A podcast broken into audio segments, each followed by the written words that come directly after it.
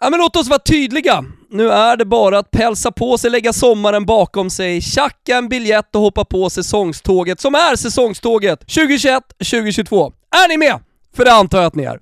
Visst visst, den engelska bollen har ju redan rullat igång sedan en tid i vanlig ordning. Men det var väl ändå först i helgen som det sprakade till på riktigt. Manchester United, ska vi börja i den något pittiga änden? Ah, okej, okay, låt oss. När motståndet heter Soton, ett lag som till synes har nedmonterat, och Manchester United kommer från en ruskigt stark säsongsinledning, ja, ah, då kändes matchen på förhand som en enkelriktad historia. Det var visserligen stort bollövertag och allt det där, men 1-1 var ändå ett hack i den annars så välspelande skivan. Det var istället på annat håll de tydliga, markerande vinsterna kom. City smällde dit Norvan med 5-0. Det blev inte så stort, men 2-0 för Liverpool mot Burnley var ändå tydligt. Och Chelsea, ja, de markerade huvudstadsrevir och hierarki med en stor prestation mot Arsenal.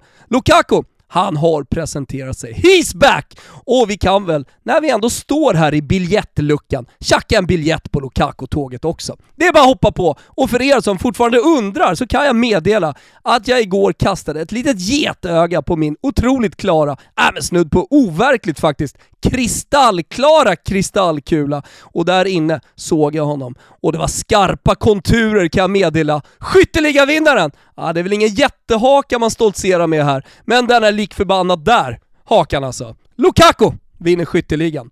Andra resultat, Spurs hänger med i toppen med Kane på bänken, bytte mot sin son i dryga 70 Spännande vad som händer där i veckan. Leeds med väntade krysset mot Benites Everton, Ponepini inkasserade sin andra nolla i det mållösa mötet med Crystal Palace. Gugge såg ettan i Brighton och så blev det. Villa har varvat igång sin Alfa Romeo Giulietta-motor, turbodieseln va?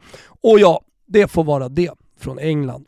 Till i Campione d'Europa. Jajamensan, de europeiska mästarna. Sången har tystnat, ja ni vet vilken. Guldet är historia. Nu ska den italienska fotbollen snart ner på jorden igen. Ja men ni kan det. Tidiga uttåg i Europabollen, diverse skandaler, spelare ingen kan uttala korrekt, eller för den delen aldrig hört talas om. Eller? Nja, Visst finns det en liten känsla, trots uteblivna monstervärvningar, att coronan ändå spelat saker och ting i händerna på de sluga italienarna. Smart sportcheferi, projekt som ändå har någonting, ja men allt det där. Jag får lillkänslan.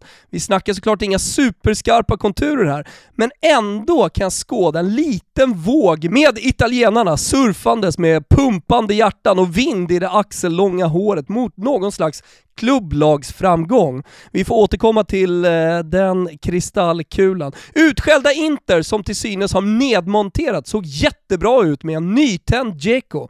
Vidal i gammal Juve-form och ett Interhjärta på planen till slut i Di Marco.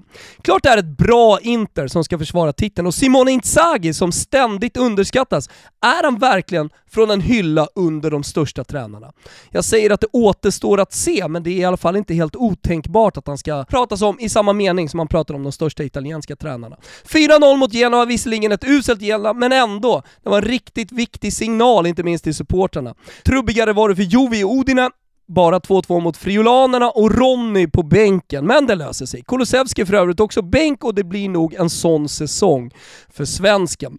Vidare vann Napoli mot nykomlingarna från Venedig, trots att Osimhen åkte på rött efter dryga 20. Insigne har äntligen tagit på sig en ledarroll som kan bära långt. Maurizio Sarri, i Lazio alltså, fick en fin start mot Jojo-kungen Empoli. Arnautovic presenterade sig för Bologna-publiken och Mihailovic sköna gäng slog Salernitana med 3-2. Atalanta, äh men de flaxvann på smash and grab-vis i Turin. Var det ett styrkebesked eller ett tidigt svaghetstecken. Vi kan väl prata om det där Gusten, låt oss prata om det.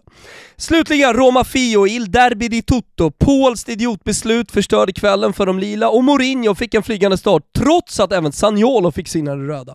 Roma ser faktiskt riktigt bra ut. Långt från trubbigt engelskt, trött och jävligt som Mourinhos lag sett ut på slutet borta på öarna. Det tog jag med mig. Energin, entusiasmen, trycket i grejerna va.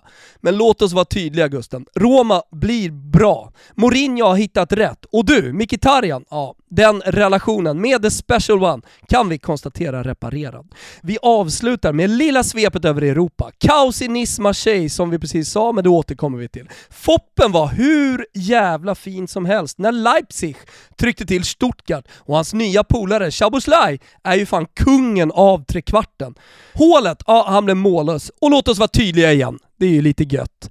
I Spanien var Isak tillbaka i La Real som vann, även om svensken blev mållös. Detta är ju möjligheternas år i Spanien, och frågan är om något historiskt ändå kan göras i Basken. Why not? Barcelona och Real Madrid kryssade Atletico vann och JG fick en halvtimme även den här helgen. Men Alaves, ja de blev mållösa. Start nästa helg kanske? Ja, då sitter jag bänkad redo att köpa min tredje biljett för säsongen på det nyreparerade fina gamla anrika godståget från västerort. Ge oss hopp! Skicka in en missil! Tryck till någon jävla trött spanjack! Ja men snubbla in i kassen nu då John! Larma om du lever!